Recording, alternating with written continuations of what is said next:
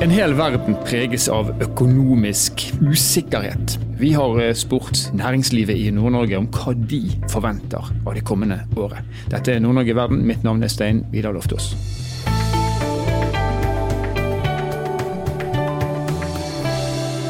For femte året på rad har eh, Kunnskapsbanken for Nord-Norge, kbnn.no, lansert sitt forventningsbarometer. Og I dette barometeret så spør man altså næringslivet i Nord-Norge om hva de forventer av det kommende året. Og vel, femte gangen siden 2019, og verden har jo ikke akkurat vært i vater siden 2019. Det har vært eh, pandemi, det har vært krig, nå står vi midt oppi skyhøy inflasjon og egentlig mangel på en del varer. Så vi eh, stiller dette her spørsmålet her på et ganske sånt utrygt grunnlag. Og Så får vi høre da om svarene er i henhold til det. Vi eh, skal ta en prat med Amund Bråten, som er seniorrådgiver i Kantar. og Det er Kantar som har gjennomført denne undersøkelsen for Kunnskapsbanken for Nord-Norge. Senere i sendingen skal vi også snakke med administrerende direktør i PAP Bjørn Bygg, Gro Skår Knutsen, for å høre hvordan hennes bransje da eh, ser på det kommende året. Men aller først altså Amund Bråten, og hjertelig velkommen til oss, Amund. Tusen takk, det er en glede å få lov til å være her. Vi skal snakke om forventningsbarometer, og helt sånn overordna, eh, Amund. Hvordan ser det nordnorske næringslivet på fremtidsutsiktene på det nærmeste året? Ja, det er et godt spørsmål. Når vi ser på tallene for 2023, så ser vi en økende grad av pessimisme, hvis vi sammenligner det med 2022-tallene, i hvert fall. Eh, vi har jo for så vidt sett i de siste to årene fram mot 2023 at det har vært en økende positiv utvikling i, eh, mot optimisme. Men som sagt, i år er vi på pessimismedelen igjen. Vi tolker det dit hen at det skyldes egentlig at det er stor usikkerhet for de fleste næringslivslederne nå for tiden, knytta til makroøkonomiske forhold, slik som rente, inflasjon, eh, for så vidt også kjøpekraft, både av bedrifter og, og privatpersoner, litt avhengig av hvilke næringer man selvfølgelig representerer, men også politiske faktorer som er med på å skape usikkerhet i den uh, situasjonen vi er i i dag.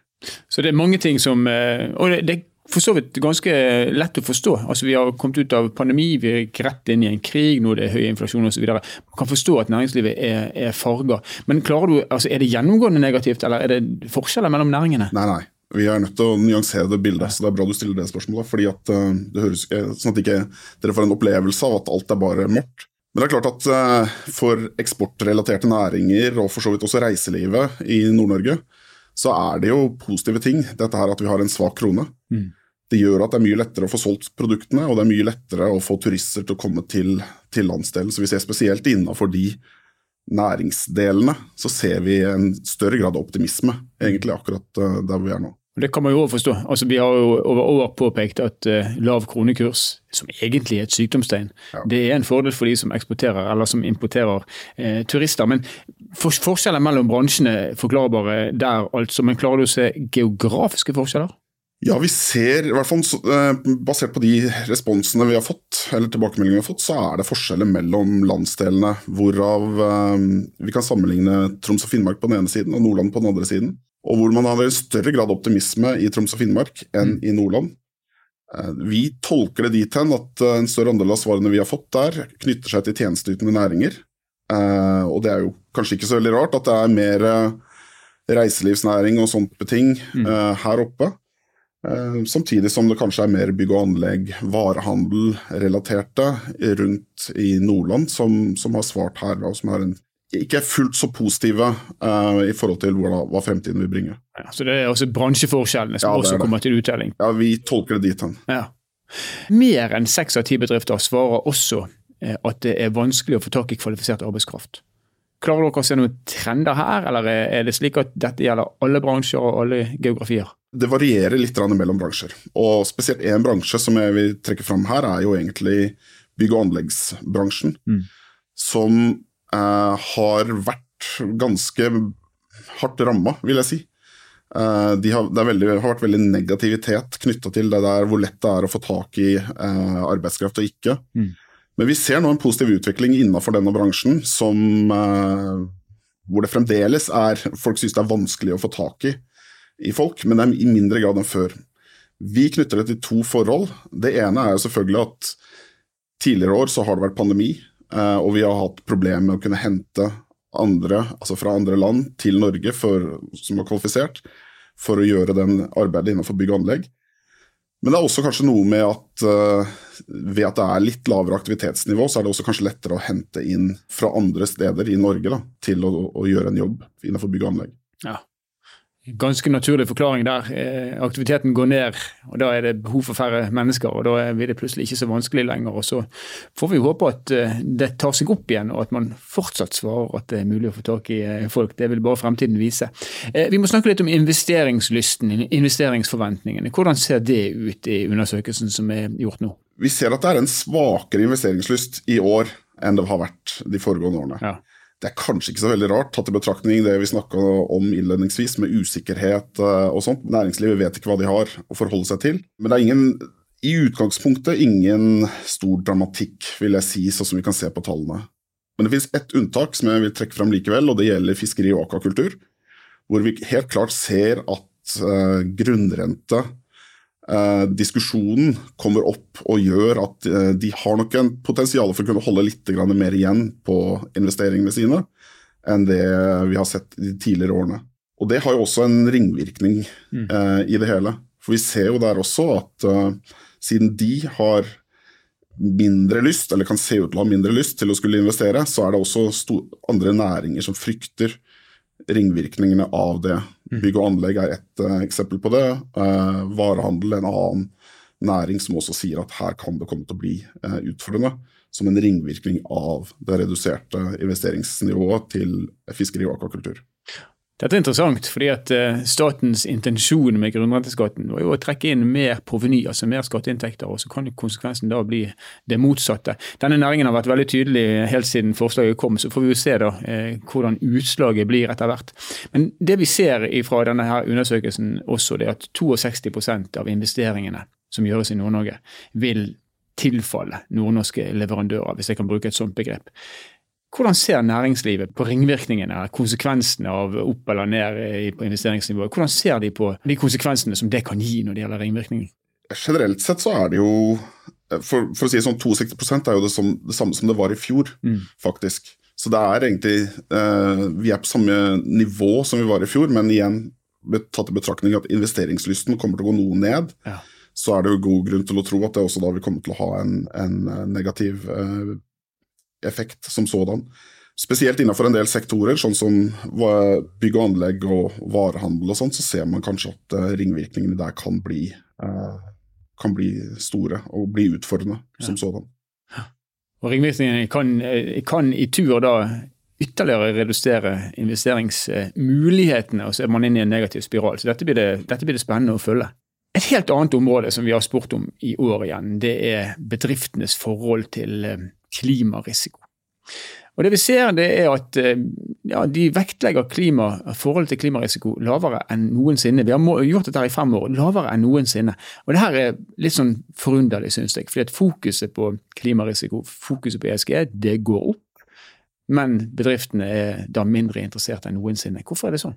Ja, Hvorfor vet jeg ikke om jeg har helt svaret på, men jeg synes jo det var litt interessant når jeg så på en del av de åpne svarene som var her, hvor vi ser faktisk at uh, man endrer egentlig det med klimarisiko fra å prate om det et, med et klimamessig utgangspunkt, til å snakke om det nå som et kostnadsmessig utgangspunkt. Mm.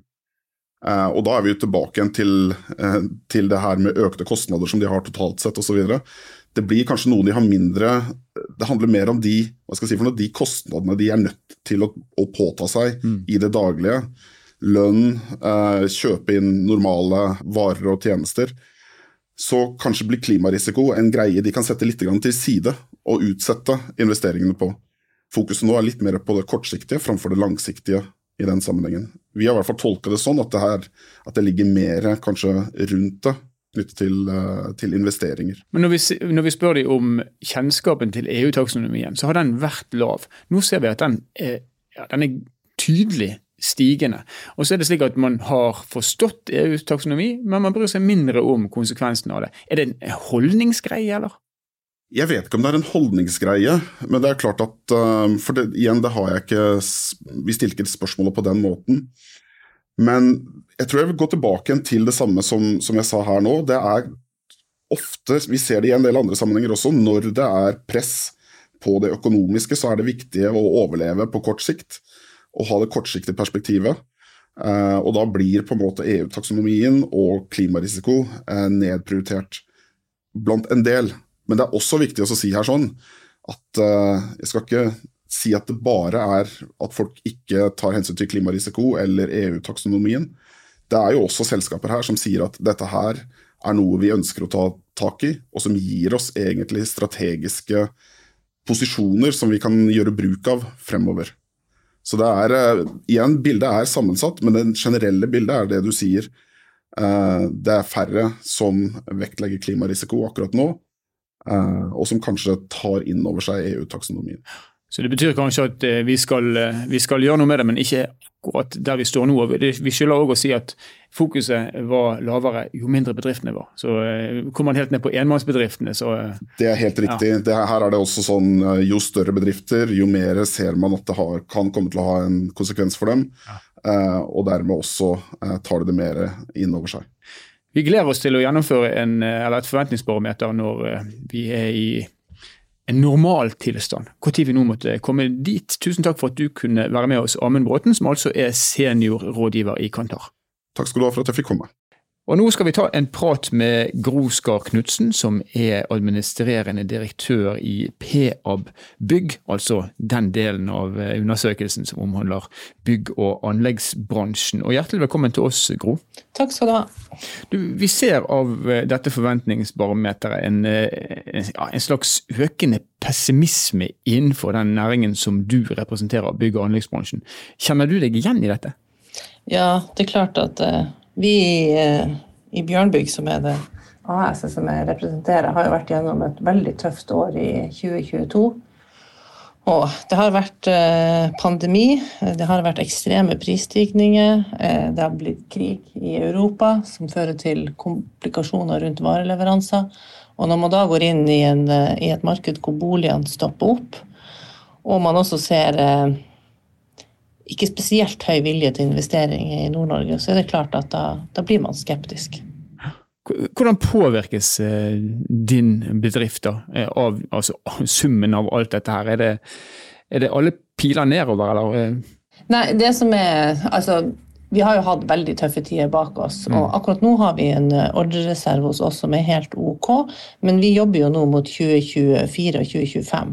Det er jo de årene som skal fylles opp. Mm. Og eh, da er vi jo avhengig av å vinne anbud for å få de jobbene. Det som er positivt i Nord-Norge, det er jo det at eh, turismen har tatt seg opp.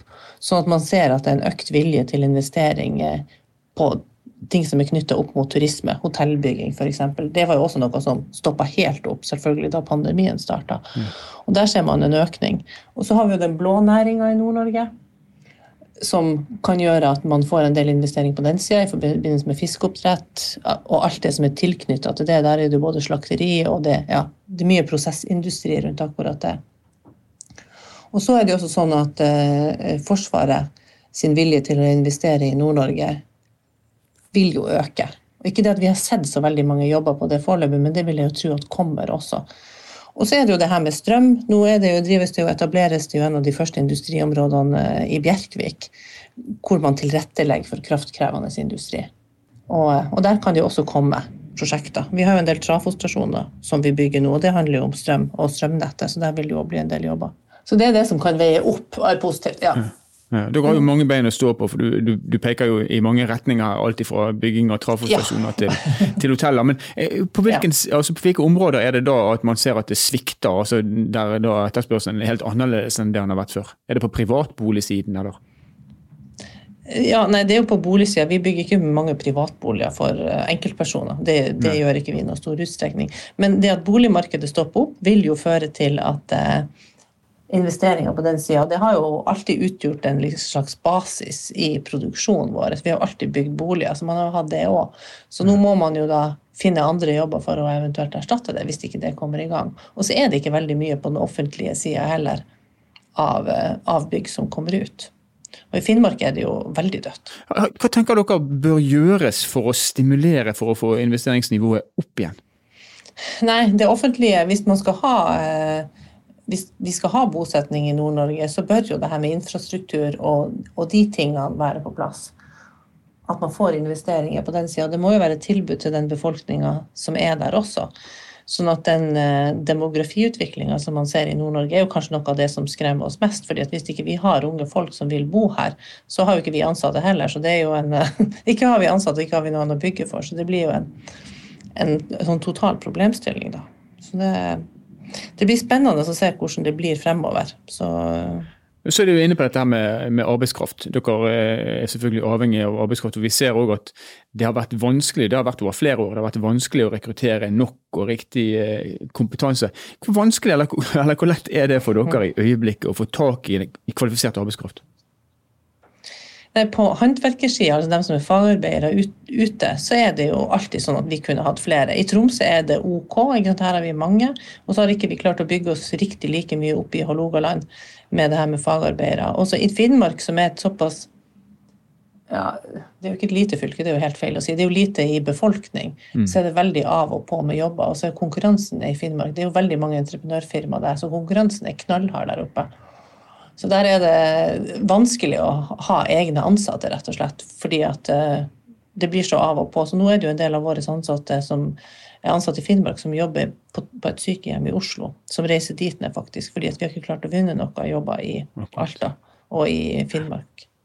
Hvor henter dere kompetansen fra? Altså er, er, det, er det nordnorske arbeidere, eller er det slik at bygg- og anleggsbransjen i, i, vesentlig grad eh, må til andre land for å finne arbeidskraft? Nei da, vi har jo, I hovedsak så er det jo folk fra Norge som er ansatt hos oss, men det er også en del eh, utenlandske som har forskjellige pendlerordninger. Men vi har jo uh, 280 håndverkere, og de fleste av dem er jo norsk. Og mange av dem kommer jo fra, fra de videregående skolene i Nord-Norge.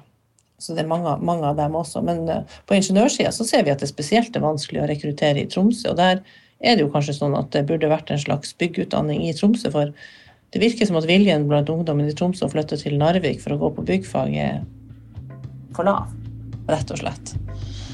Så, um, så det, det ser vi at det det er vanskelig i Tromsø. Tusen takk for at du kunne være med oss.